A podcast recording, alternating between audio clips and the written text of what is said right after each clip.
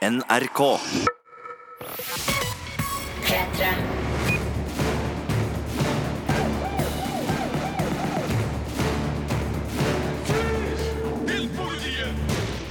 Velkommen til en ny podkast fra Filmpolitiet. Sannsynligvis Norges største og viktigste podkast om film, spill og serier. Oh yes! Og det var Marte Hedenstad som sa det. Sigurd Vik, du sier Det eh, så rart ut det du gjorde der, Marte, men ok, greit. Eh, Det sier jeg. Jeg heter Birger Vestmo og har denne uka mm, sett og anmeldt premierefilmene The Villainess, Solsidan-filmen og City of Ghosts-rakka.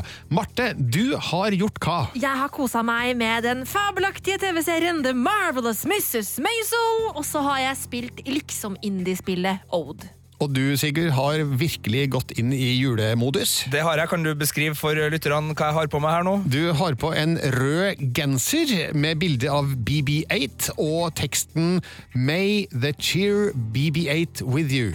Det er fordi at jeg allerede er så godt i julestemninga, for jeg har sittet og sjekka ut TV Norge sin adventskalender Jul i Blodfjell. TV Norge har da valgt å ignorere at lilla er adventsfargen, men har da malt hele desemberen eh, rød. Eh, Og så har jeg selvfølgelig da sjekka ut den første tyske Netflix-serien, som heter Dark, og som har premiere på denne fredag 1. desember. Mye spennende i vente i denne podkasten, og vi starter med ukas kinopremierer. Filmpolitiet anmelder film. Vad härligt att ni är här. Vi har verkligen fantastiskt fina vänner. Alex, nu får, nu får vi ändå säga som det är. Vi ska skiljas. Tjenare mannen. Anna har lämnat dig för värsta hunken. Det är klart att det svider. Det fattar ju vem som helst. Vi ska vända på den här skutan. Du och jag ska ut och bli på snusen. Vi ska ha värsta rökarrackarkvällen som förr i tiden. Solsidan er altså den svenske serien som har gått på TV2 i Norge i, gjennom fem sesonger, og har blitt veldig populær. Og nå kommer altså Solsidan-filmen, som er en direkte fortsettelse av serien. Jeg hadde ikke sett en eneste episode før jeg så filmen, eh, men det tok ikke lang tid å komme inn i det, for her kommer vi inn i et veletablert univers som vi kjenner igjen, fordi ja, vi har jo sett side om side her i Norge, ikke sant? Og, og Solsidene eh, var vel kanskje først ute, men eh, etter forveksling ganske lik. Eh, likt miljø og personligheter og type konflikter og sånt. Det handler om eh, hverdagslivet og de forviklingene som kan oppstå der, selvfølgelig skrudd kraftig til da i komisk sammenheng. Jeg ser på bildene fra filmen at interiøret der ligger noen hakk over det jeg har hjemme. Er det her en slags øvre hvit middelklasse vi befinner oss i, eller? Ja, i hvert fall ett av parene er jo eh, da litt mer velbemidla enn de to andre, så det er vel eh, det du har sett det bildet av. Og for de som har fulgt med Solsidan-serien, så vil det kanskje komme som et lite sjokk at et ett av parene i serien skiller lag i filmen, som vi også da hørte her i lydklippet fra, fra traileren, så det er jo ikke noe stor hemmelighet der, men det handler om eh, Alex og Anna som da går hvert til sitt eh, i filmen når det er jul, og så gjennom eh, filmens handling så får vi se hvilke forviklinger det fører til, samtidig som andre Eh, nå glemmer jeg nesten navnet på dem. Jo, Fredde! Fredde og Mikkan. Eh, de må hanskes med Freddes far, som er hjemvendt, eh, samtidig som Ove og Anette de sliter med å få barn. Så det er flere forviklinger på gang her, som eh, går litt hit og litt dit, og så samles trådene forsøksvis mot eh, slutten. Hvor mye julestemning er det her? Ja, ikke så veldig mye, for eh, det er da jul som er bookends i filmen. Starter og slutter med jul, eh, men imellom så er det alt mulig annet, så ja, du må ikke tenke så veldig med jul når du ser solsidene filmen. Men det er morsomt, det er hyggelig, det er koselig, det er lun humor. Eh, igjen, liker du side om side, så er solsidene eh, litt i samme leia. Og eh, nei, jeg syns det her er eh, sympatiske figurer som sliter med ting som er veldig vanlige å slite med i parforhold, så her er gjenkjennelsesfaktoren til stede. For Men dem som er i parforhold, vel å merke. Jo, jo, ja. ja. Men eh, jeg ser på anmeldelsen din her, Birger. Her skriver du i starten 'sprer varme og glede', samt noen små tårer. Ble du rørt av Solsidan? Eh, det, det er ikke det at jeg er følelsesløs, men, men jeg, blir ikke, jeg er ikke så lettrørt på kino. Nei. Så, eh, men nei, det er noen scener her som uh, spiller litt på hjertestrengene, det er det. Så eh, vel, kanskje du skal ta med lommetrykket på kino, Marte Hedenstad. Så Solsidan-filmen har premiere i dag. For å si det på veldig eh, innvikla filmanmeldersk, jeg likte den. Terningkast fire. Les mer om film, spill og serier på p3.no Filmpolitiet.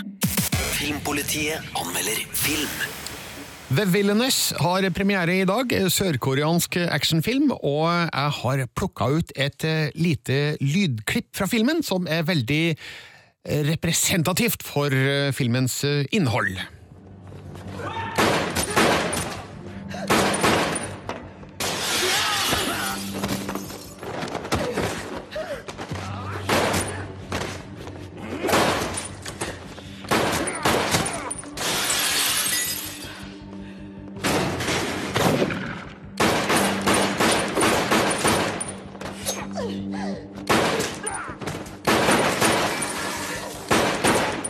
Actionfilm? Ja, det er en actionfilm, det er helt riktig. The Villainous er en eh, skikkelig hard og blodig actionfilm som har aldersgrense 18 år, og eh, det er ikke ofte det skjer lenger, at filmer med 18-årsgrense blir satt opp på kino i Norge. Jeg hadde ikke fingra nok på hendene mine til å telle verken slag, glassknusning eller skudd i den lille scenen vi hørte her. Er det så blodig som det høres ut som, Birger? Ja, det er det. Det er veldig mye blod som spruter i alle retninger, og jeg syns det, det er herlig, rett og slett. Eh, Det er da snakk om en film som låner elementer fra andre kjente filmer. Først og fremst Luc Bessaux La Femme Nikita fra 1990. var det vel. Eh, I hvert fall starten av 90-tallet. Og også ting som man kan gjenkjenne fra f.eks. Kill Bill. Da. Det var de to filmene jeg først og fremst tenkte på da jeg så The Villainess. For det handler om ei ung eh, kvinne, Suk-hee, spilt av Okbin Kim, som blir tvangsrekruttert til et hemmelig byrå av, eh, bestående av leiemordere. Eh, hun blir etter en lang opptrening eh, plassert i en egen leilighet. Eh, hun blir forelska, hun har et barn også. og men så får hun et oppdrag som eh, snur alt på huet, fordi eh, her er det koblinga mot hennes eh, fortid, som filmen da avslører sånn bitvis i flashbacks. Eh, veldig mye skyting, veldig mye eh, slåssing og bruk av kniv, ikke minst. Eh, det topper seg kanskje med en eh, motorsykkeljakt eh, og sverdkamp, eh, som foregår da samtidig. Altså sverdkamp mens man kjører motorsykkel i full fart. Det høres veldig kult ut, og veldig stilig ut, eh, ser jeg for meg. Jeg er veldig stilig, og kameraet er tett på i alle situasjoner. Det er som om du er med sjøl i kampene, og eh, først og fremst i filmens innledning, der alt foregår i førstepersonsperspektiv. Da er det sånn du er i det villeste dataspillet, altså. Og det er utrolig kult løst med klippinga og kameraføringa. Eh, virker som at det er en endeløs tagning på ca. fem, seks, sju minutter, eh, der det bare er ren carnage, altså. Eh, litt eh, eh, uheldig kanskje at det ikke er noe seinere i filmen som matcher innledningas eh, frenetiske nivå, men jeg likte altså The Villainous skikkelig, skikkelig godt. Eh, når du snakka om handlinga her, så fikk jeg veldig sånn vib både til Tarantino og til Park Chan-wook, eller Chan-wook Park, alt ettersom hvordan man bruker sørkoreansk uttale, når det gjelder eh, litt sånn hevnmotiv og litt sånn skjulte hemmeligheter i fortida og sånn. Hvor, hvor god er historia her? Ja, den, eh, den fungerer i hvert fall eh, slik at du får masse action og masse slåssing.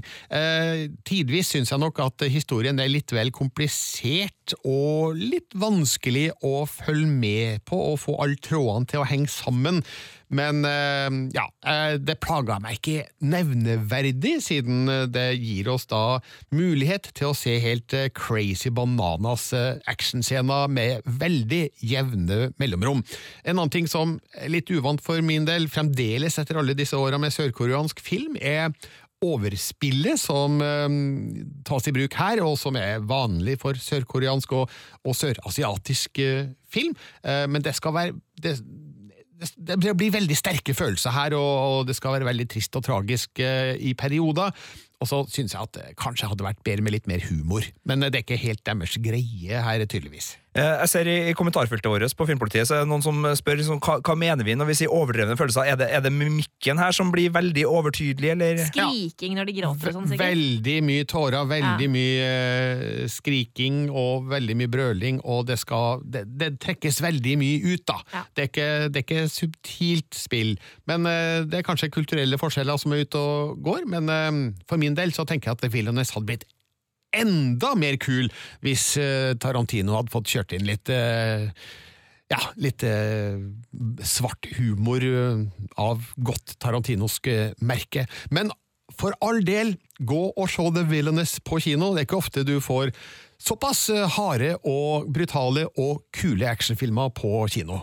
Terningkast fem. Les mer om film, spill og serier på p3.no Filmpolitiet. Nå skal det handle om eh, City of Ghosts, Raqqa, og den anmelder jeg helt på egen hånd. Filmpolitiet anmelder film. في تهديد حاليا ضدي موجود على وسائل التواصل الاجتماعي على قناة تابعة لداعش den syriske borgerkrigen er bakteppet for den sterke dokumentarfilmen City of Ghosts, Raqqa.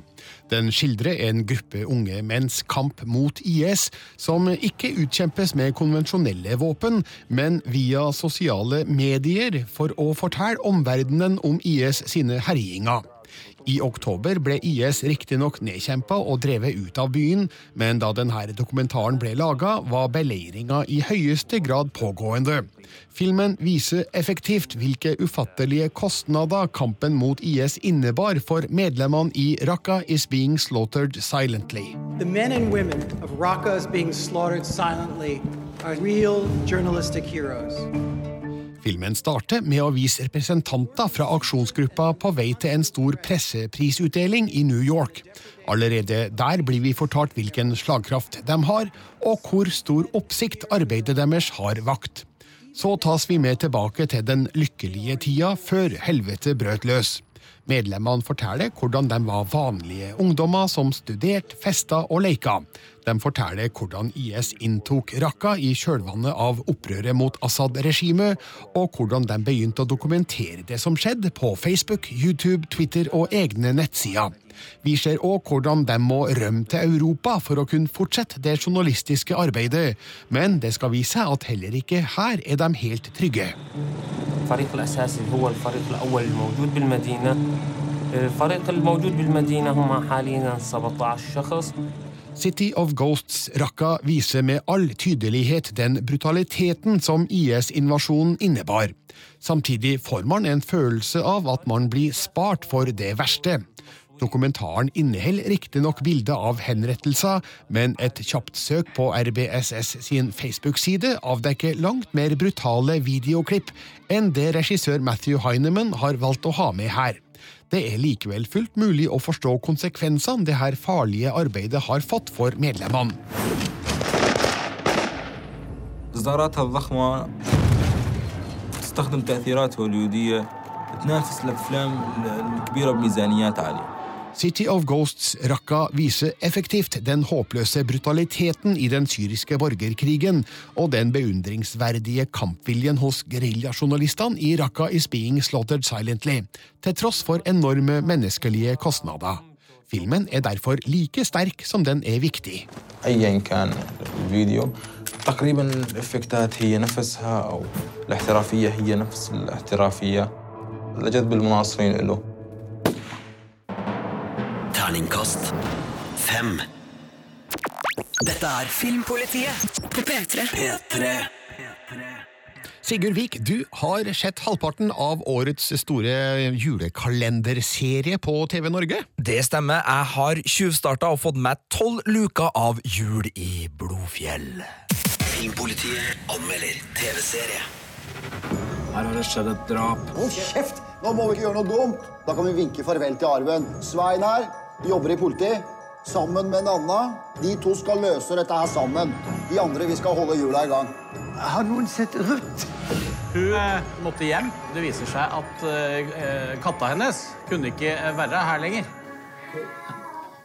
Ok, Sigurd, gi oss litt kontekst. Eh, Hva er nå det her? Jul i Blodfjell? Jul i Blodfjell er TV Norge og Dplays julekalender for 2017. Det er et stjernelag av norske komikere som er samla til en krimparodi som foregår da på Hotell Blodfjell, et høyfjellshotell oppe i skauen. Godt avsidesliggende og utenfor politiets rekkevidde sånn i utgangspunktet. Der har gamlefar Konrad Sot, som er en barnløs gammel mann, samla hele familien for å feire advent. Og han er døende, så um, arven er jo i spill her. Millionarven, formuen om du vil. Og for å kunne være med og konkurrere om arven, så må alle slektningene være der helt fram til julaften. Ikke lov å ta seg en liten tur ned på Skjellen og kjøpe seg ei pølse her, må være på Hotell Blodfjell. Eh, og til og med når folk da begynner å dø, én i hver episode, så er jo det her en så grådig gjeng, da, den her Sot-familien, at de blir jo, og heller prøver da å eh, ikke la Konrad oppdage at likene eh, begynner å stokke seg opp eh, på bakrommene, eh, for å unngå da at det skal bli noe kluss med arven.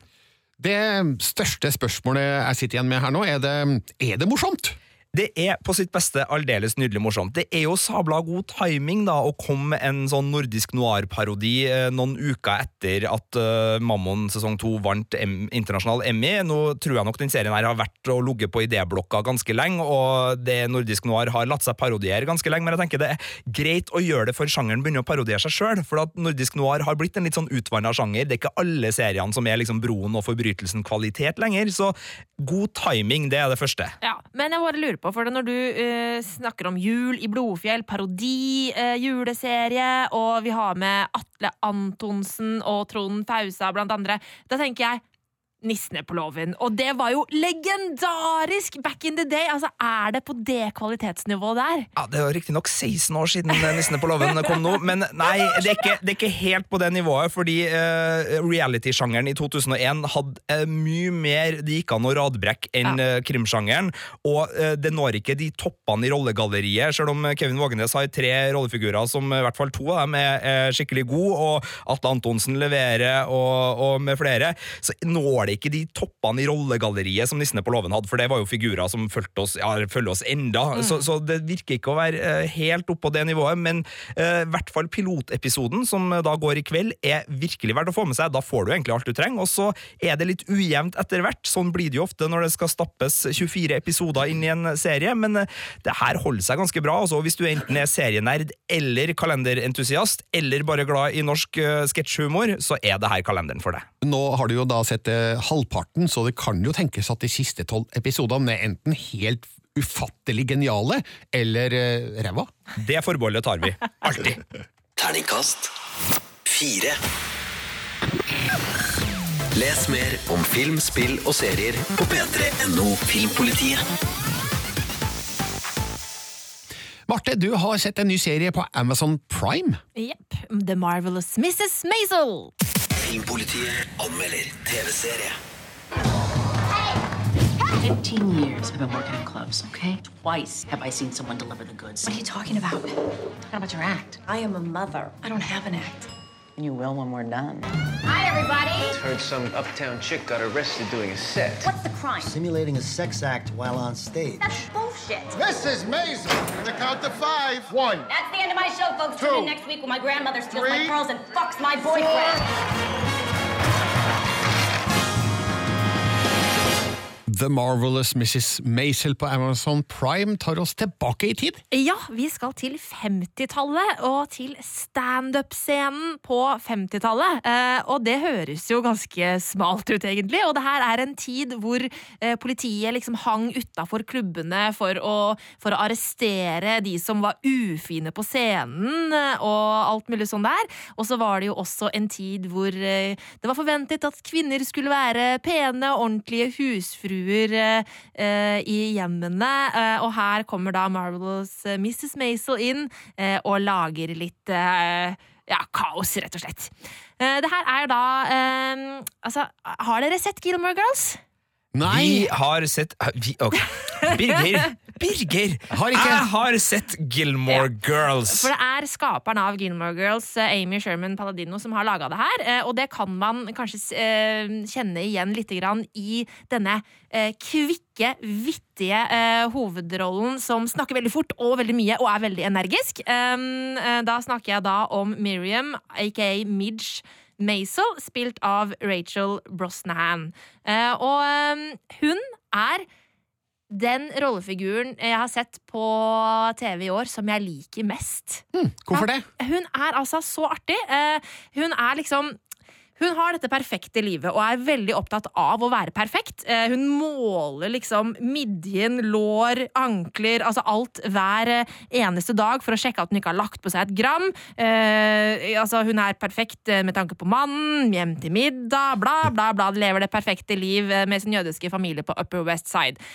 Og så, eh, en dag, da, eh, så eh, kommer jeg hjem, eh, og så har det da skjedd en ting, og det er at Joel, hennes mann, kan avsløre at han har vært utro med sin sekretær.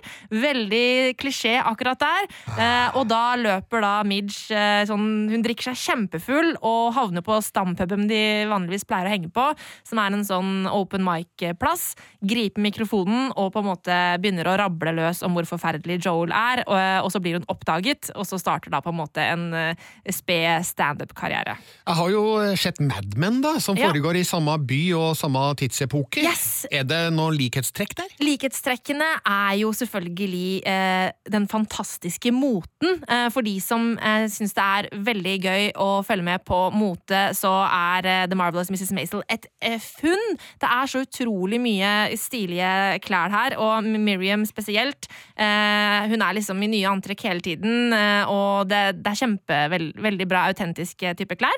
Eh, men det er mye varmere og gladere og triveligere eh, i New York enn det vi ser i Mad Men. Eh, der er det litt mer sånn kaldt og mørkt, mens her er det litt mer sånn den Broadway-aktige følelsen av New York. Og det er bare skikkelig herlig. Jeg bare lurer på, Amy Sherman Paladino mm. laga Gilmore Girls. Yes. Den serien er så stappa med referanser at du nesten ikke rekker å få med deg halvparten. Hvordan er den biten her? Eh, det, det er eh, en del eh, litt sånn referanser og sånn til andre komikere fra 50-tallet og sånne type ting. Og så er det også eh, veldig mye humor på, på det å være jødisk, for Miriam er jødisk og lever i en jødisk familie, er gift med en jød, eh, mann som kommer fra en jødisk familie. Eh, og eh, Paladino er jo jødisk selv, og hun har liksom putta denne serien virkelig full med masse sånne artige referanser der, da. Eh, det kan jo kanskje virke litt som klisjeer for noen, eh, men jeg kjenner ikke liksom det familielivet der så godt. Men eh, det virker som at eh, det er eh, veldig mange artige sånn inside jokes, da, eh, hvis du er amerikaner fra en jødisk familie. Men det er en skikkelig godbit. Den er litt trått i starten, tar et par episoder på å komme i gang, men så blir det bare et skikkelig trivelig opplegg. Og The Marvelous Mrs. Maisel kan du nå se på Amazon Prime. Terningkast fem. Les mer om film, spill og serier på p3.no Filmpolitiet. Vi skal felle dommen over en ny TV-serie her i Filmpolitiet. Den er det du som har sett, Sigurd? Ja, og den heter Dark. Filmpolitiet anmelder TV-serie. Schon vor Wochen ist in der Kleinstadt Winden ein 15-jähriger Junge auf mysteriöse Weise verschwunden. Und nun alarmiert ein weiterer Vermisstenfall die Bürger der Stadt. Hørtes tysk ut, Sigurd? Ja, og du må ikke begynne å kaldsvette nå, Birger, for jeg vet at du får litt sånn skoletysk angst når du hører disse glosene. Du kyrge ikke noe om, an Ei! auf hinter in neben, inter unter vor uns zwischen. Det der er bra.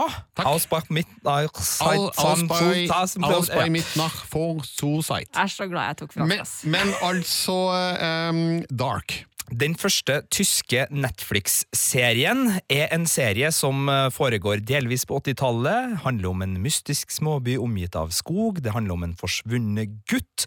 Haltende elektrisitet, Eh, spor som ok. fòrer til et bevokta anlegg, Eh, og skumle hemmeligheter. som Remake av Stranger Things på tysk? Vet du hva, eh, Ut fra handlingsbeskrivelsen så ser det veldig ut som Stranger Things på tysk, og det er veldig veldig mange likhetstrekk, men det er heldigvis en serie som har egenart, og som etter eh, en start som er litt ordinær og litt sånn typisk småbymysterie, finner sin egen retning. Eh, de er da i Tyskland i 2019 til å begynne med, eh, og det er da noen mystiske forsvinninger som gjør at flere familier og også det lokale politiet begynner å lete litt rundt, og så er det da et atomkraftanlegg som ligger i skogen, som man begynner å ane at eh, det kan være noe rundt.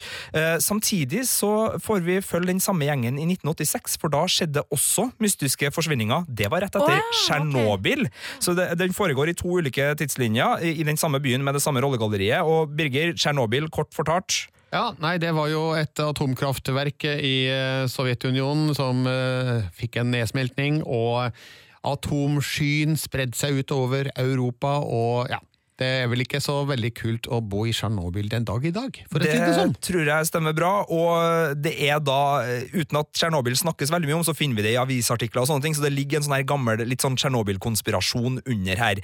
Eh, Det mest fascinerende med Dark er egentlig at det er en serie som eh, kombinerer fantasy og vitenskap, da med tanke på tidsreiser, og muligheten for at sorte hull slash tidsreiser kan oppstå. Det er en veldig sånn finurlig maskin som er i en koffert, som er et slags urverk som vi ikke vet helt hva er, men som virker veldig spennende. Og så er det også noen sånne fysikkbøker som handler om tidsreiser. Så, så det, der ligger mytologien, da. Ja, når du beskriver Dark her nå, så får jeg skikkelig lyst til å se serien. Men eh, bør jeg? Ja, altså hvis det her er ting du liker, så er det absolutt en fantasyserie som er verdt å sjekke ut. Den er ikke så lik de amerikanske forbildene sine, for, at, for det første så handler den på tysk, og så er det en mye mer sånn europeisk realisme i skuespillet og sånne ting. Ja, altså, når jeg ser på bildene inne i anmeldelsen din, det ser ganske sånn mørkt og trått ut. Altså, det er ikke liksom Det er Nei, ikke det er ikke- nostalgien fra Stranger Things, Det er liksom. ikke Riverdale, Twin Peaks og Nei. Stranger Things der. Det er mer likt eh, en eh, europeisk dramaserie. Litt mer nordisk noir i nattemørket og sånne ting. Eh, Men det er fenge. Men eh, problemet er at jeg har bare sett eh, tre av ti episoder, for det var det Netflix eh, lot oss få se på, på forhånd. Og uh, det her er en sånn serie som at hvis mytologien er bra, så er det en knallserie. Hvis mytologien er banal, type slutten på Lost, så er det en ræva serie. Så jeg vet ikke helt ennå, men det starter lovende, så den får en sånn eh, god middels, eh, bra middels-karakter av meg. Men eh, den er nok mest for fan av det overnaturlige, den her. Og Dark har premiere på Netflix. I dag, ti episoder ligger ute. Terningkast fire. Les mer om film, spill og serier på p3.no Filmpolitiet. Filmpolitiet hver fredag fra 11 til 1 på P3. Med det samme vi er inne på serien, vi må ta med en gladnyhet eh, som har med NRK å gjøre. Det må vi, fordi i uh, spionkretser så er det en serie som Norge aldri har fått, eh, som vi har lengta etter. og Den er en fransk serie som heter Le Bureau, som eh, veldig mange sånn The American-fans har, har higa etter. Gått på svensk TV, men aldri på norsk. NRK i julemodus legger ut alle tre sesongene den 20. desember på nett-TV-en, og det er rett og slett bare å si den anbefales. Filmpolitiet. Du hører Filmpolitiet på P3. Jeg heter Birger og har med meg Sigurd og Marte i studio. Og vi har all sett den nye traileren til Avengers Infinity War denne uka. Hva syns vi? Det var noe som fikk mine spider-senser, eh, for å si det med en av rollefigurene, til å tingle ganske godt. Eh, Jeg har eh, brukt gårsdagen på å se meg opp på Avengers og Iron Man 3. Det var kanskje ikke helt godt valg, det siste der, men, men jeg ble skikkelig gira, for nå tar vi tak i hovedmytologien, og så er det jo artig å samle det laget, da. Hæ? Ja, Det er morsomt å se alle på ett brett, men min innvending mot traileren da, Nå er det slik at en trailer eh, må jo ikke nødvendigvis eh, ha noe å melde om filmens kvalitet, men syns det var litt sånn mørkt og trist og eh, kjipt, det. Det var ikke så mye gøy. Du, oi, jeg, altså jeg syns det kanskje var litt rotete, ja, men, men, um, fordi, men det er noe som skjer når det blir så mange kokker, holdt jeg på å si. Men uh, var det mørkt, altså? Jeg, jeg, jeg fikk gåsehud, sånn som uh, Sigurd, jeg, altså. Jeg er enig i at den var litt sånn øh, veldig, veldig sånn selvhøytidelig mørk i starten, da vi hører både Iron Man og Black Widow med flere liksom ta oss gjennom at øh, nå blir det Ja, det er trasig. den vi skulle jo egentlig være et lag, men vi har blitt splitta. Altså, det, det er jeg enig i. Men så dukka jo liksom øh, Guardians of the Galaxy Ja, opp, og Thor dukka opp, og, og da var det liksom yeah, all right! Ja, men jeg håper jo at Infinity War har mer humor da enn det den traileren her hadde å by på. Ja, det tror jeg. Eh, det pleier jo å være ganske mye humor i Marvel-filmene. Eh, de, gjør, Ja. det, gjør- de gjør jo det. Det Ja, men jeg frykter, og, og nå, kan jeg være, nå skjønner jeg litt hva du frykter, Brygger, for etter at vi har vært bortskjemt med Guardians of the Galaxy og den siste Thor-filmen, som er kjempeartig, eh, så eh, er det jo lett å glemme at en del av Iron Man-filmene, og spesielt Avengers Ultron, og kanskje også Captain America Civil War, er ikke så veldig artig. De har kanskje sånn ett minutt her og der hvor Spiderman får lov til å introdusere seg med en vits, men ellers så er det ganske sånn selvhøytidelig og litt sånn ja, er traust. Men, så, men både den nye Spiderman-filmen og også Doctor Strange er jo, er jo, prøver jo i hvert fall å være morsomme. Sånn at der har vi jo to rollefigurer som absolutt har med seg humor inn. Ja, Vi håper jo at de, de tar med seg det inn i Avengers Infinity War, men det er en annen ting med traileren som ikke alle fans har vært like begeistra for, Sigurd. Eh, Det er det. Eh, Not Another Sky Portal har vært et refreng på internett det siste døgnet, godt og vel. Jeg skjønner, jeg skjønner poenget, Eh, Ja. men altså hvordan ellers skulle alle disse folka kommet sammen? De lever jo i helt forskjellige steder i universet. Ja, De skal kjøpe seg skap, og så skal det være sånne skap som du kan gå inn i, og så kan du flyttes over, og så kan de ordne seg et room of requirement, eller noe sånt. Så, nei, jeg trenger ikke å bruke Harry Potter-metoden, men nei da, men jeg skjønner, altså det går an å reise på andre måter, og nå har det vært sånn, fra den første Avengers-filmen, så har det liksom revna i himmelen, og så har det Ja. kommet ting ned fra blå himmel gang på gang, så, så jeg skjønner den innvendinga, samtidig så, så er ikke det noe som rokker ved meg. Jeg er egentlig bare glad for at vi endelig får se Thanos, som da skal spilles av Josh Brolin, som går og samler Infinity Stones, og putter, og ikke spoiler for folk nå, men det her er ganske, det her vet vi, Eh, og den, den neven hans, On his glove! den ser bra ut. Avengers Infinity War har verdenspremiere 4. mai. Vi må innom Hellboy, en heltefigur som har vært gjenstand for to spillefilmer i regi av Guillermo del Toro. Vanskelig fornavnet der. Guillermo? Guillermo, Guillermo del Toro. Guillermo, dobbel L med J. Men eh, nå har han eh, bare rett og slett eh, tatt kvelden eh, i forhold til Hellboy i hvert fall, og overlatt det til Neil Marshall, som skal eh, lage en ny Hellboy-film med en ny skuespiller, og vi vet jo fra før hvem det er, Marte. Ja, eh, eh, nå, nå skal ikke jeg eh, gå i surr her, for eh, siden vi har snakka om eh, Avengers Infinity War, så holder jeg på å si Josh Brolin, som spiller Thanos, eh, fordi han ligner veldig på John Perlman, men eh, det er David Harbour, kjent fra Stranger Things, eh, blant annet. Ja, sheriffen i Stranger Things. Jeg jeg bare kom på noe, Hvis det skal lages en ny sånn tre menn og en babyfilm, så vil jeg gjerne at Ron Perlman, David Harbour Ja. og Josh Brolin skal spille tre brødre som ikke er Ja, det er en brødre. bra idé, men alt vi sa nå er kjent fra før. Det som har blitt uh, nytt denne uka, er hva da, Sigurd? Det er uh, en litt artig nyhet, fordi i september så kom det en nyhet om at releasedatoen til den nye Hellboy-filmen skulle være 11. januar uh, 2019. Og lenge gikk- til! Ja, Lenge da til! gikk, da gikk Lionsgate ut og sa nei, nei, nei, det, det er falskt, vi har ikke satt noe dato ennå. Men nå har de kommet ut og sagt at eh, datoen er eh, 11. januar 2019. så, så eh, for de som er konspiratoriske og som har eh, liksom trodd det, så, så har den nyheten her egentlig vært kjent i noen måneder, men det er først nå den har blitt bekrefta og blitt avkrefta som fake news, da, som Lionsgate eh, prøvde å kalle denne datoen. Jeg vil bare skyte inn at Grunnen til at jeg virkelig gleder meg til det her, er fordi at Red Right Hand Hellboy er en av de kuleste superheltene som fins. De to filmene til Guillermo del Toro med Ron Perlman var helt nydelig. Jeg elsker David Harbour, men aller mest så gleder jeg meg til å se Ian Cocksucker McShane i rollen som Professor Broom i denne rebooten.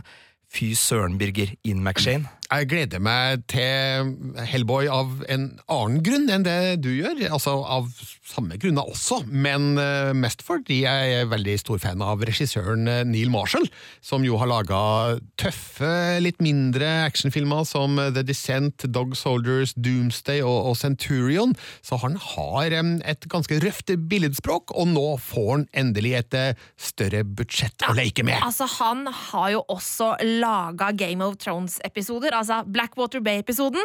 Det var Nille Larsson. Da er du med, Marte. Da er jeg med, vet du. Nå skal vi innom en eh, filmserie som eh, vi elsker, som skal bli en TV-serie, og som vi har snakka om før, Marte.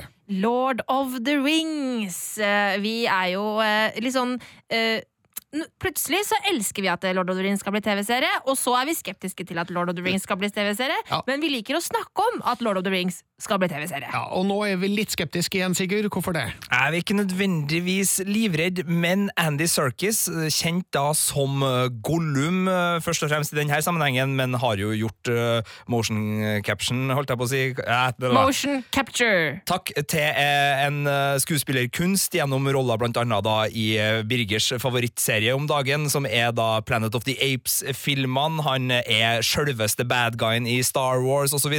Men han har da en så travel hverdag at han har gått ut nå og sagt i en kanadisk avis at han eh, ikke har tenkt å gjenta sin rolle som Gollum i Ringenes herre-TV-serien. han har brukt så eh, lang tid på å være Gollum og være med i Middle Earth at eh, han ser ikke for seg at eh, han skal være med i TV-serien. Det her, er nå du, du, du må si sånn, Birger, men det her er bare et forhandlingskort. Ja, men det her er bare et forhandlingskort. Eller, eller så har han fått beskjed, for vi har jo lurt veldig på hva skal det handle om. Skal det handle om Saurons tilblivelse? Skal det handle om da Saurons midd ringene, eller hva? For at det skal jo ikke være en remake av uh, Nei, nei, nei. bøkene. Uh, men det kan jo nå hende at han vet at Gollum ikke skal være med, og at han da dermed bare sier sånn her Ja, ja, jeg, jeg vil ikke være med. Jeg tror det er et forhandlingskort for å få mer penger på bordet, sånn at eh, han ender opp i rollen som Gollum til slutt. Tror du verdens rikeste mann, som da er Amazon-sjefen, og som Ja. digger Ringenes herre, er villig til å bruke penger på det her, Marte? Eh, eh, ja, det tror jeg. He-Man, Masters of the Universe, er en film som eh, en del har sett, med Dolph Lundgren eh, fra et sted på 1980-tallet, vel? Det tror jeg er fra 1987, ja. Ja, eh, Nå skal det komme en ny versjon av Masters of the Universe, og regien eh, skal være ved David S. Goyer, eh, kjent eh, mest som manusforfatter til The Dark Knight-trilogien, for eksempel. Riktig, men han har vært inne på noe med Masters tidligere. Han har nemlig skrevet manus for The Puppet Masters, som, som jo er det var det samme ordet. Men han er jo en, eh, en eh, flott eh, produsent og mannsforfatter, så det blir spennende da, å se hva han kan gjøre med The Masters of the Universe. Jeg er jo storfan av eh, TV-serien She-Ra, som jo er søsteren til He-Man, så jeg er veldig, veldig spent på det her. Du gikk vel rundt på Comic-Con i San Diego utkledd som Shira Oh, eh, yes. i et slags castingforsøk, vil jeg nå anta at det var? Ja, det var det. Jeg var litt sånn fremsynt og fikk på video meg i kostyme, og det skal jeg sende inn, så det er jeg Nå får den har du sjansen, Nå har jeg sjansen. Men hvem skal være He-Man? Nei, hvem skal være He-Man? Altså, Dolph kan være faren, Um, faren deres. Ja, For han spilte jo He-Man da i Har- har- 87. Har He-Man en far?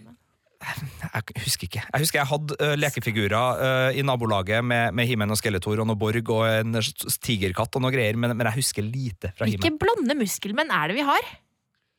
Eh, man kan jo farge Ja, håret, da. ok. Aksel Hennie kan eh, dukke opp. eh, Aksel ikke Hennie le av det! Nå, nå skal det sies at eh, David S. Goyer er i forhandlinger med Sony om å ta regien på Masters of the Universe, og de ser for seg da en release eh, 18. des- desember eh, 2019.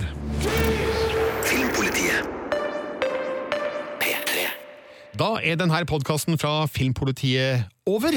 Da gjenstår det bare å si god jul, da, Sigurd. Ja, God advent, eh, vil jeg altså, Marte, Jul, jul, jul, jul! Marte har også julegenser på seg, på. og hun har ikke tjuvstarta med adventstitting og sånn. Hun, hun er bare jul. Det er jul. It's all out jul. eh, Og jeg skal se eh, jul i Blodfjell, jeg skal se jul i Svingen. Det ligger noe skandinavisk juleadventsserier i NRK sin nett-TV. De skal jeg se. Og Jeg Birger skal se Nissene på låven. Ja, det skal du. Det skal du bli. Hvis jeg finner den på DVD, for jeg vet ikke om den ligger ut på digital streaming noe sted, Ja. men den har jeg veldig lyst til å se nå etter å ha hørt eh, lovorda som dere sa om serien tidligere i podkasten. Ja, Hvis du som hører på ikke har sett Nissene på låven, eh, så er det en knallkul adventsserie som du bør få fingrene tak i. altså. Avslutningsvis vil jeg bare komme med en oppfordring til dere som hører på, for at vi har tenkt vi i Filmpolitiet å lage en liten uh, spesialpodkast der vi anbefaler uh, julefilmene vi bare elsker å se, som får oss i stemning. Den kommer en eller annen gang ute i desember her. Men julefilm er så mangt, og det er så viktig, og det er så mye godt der, så jeg bare lurer på, hvis du sitter med et julefilmtips, eller en, en litt sånn eh, spesiell julefilm som betyr veldig mye for deg, så vil jeg jo gjerne høre om det. Jeg er litt sånn julefilmgæren, jeg, så. Så send gjerne en e-post til filmpolitiet alfakrøll.nrk.no hvis du har noen julefilmtips, så skal jeg sette meg ned og, og lese litt på dem og se hva jeg kan kose meg med framover. Og helt til slutt så vil vi gjerne oppfordre alle til å gi oss en rating og en kommentar der du finner dine podkaster. Absolutt. Det setter vi veldig stor pris på. Ris og ros mottas med stor takk. Helst ris. Julegrøt, liksom. Jeg mente ros! Jeg mente ros! Jeg vil ha mest ros! Skal få litt ris hvis du vil. eller? Ris, Det er jo tida for ris, da. Det er tida for ris. Ok, vi, vi tar det vi får. Denne podkasten er over i studio i dag. Marte Hedenstad. Sigurd Vik. Og Birger Vestmo. Ha en fortsatt fin uke, og vi er tilbake med en eh, ny podkast eh, fredag den eh, 8. desember. Du finner flere podkaster på p3.no podkast.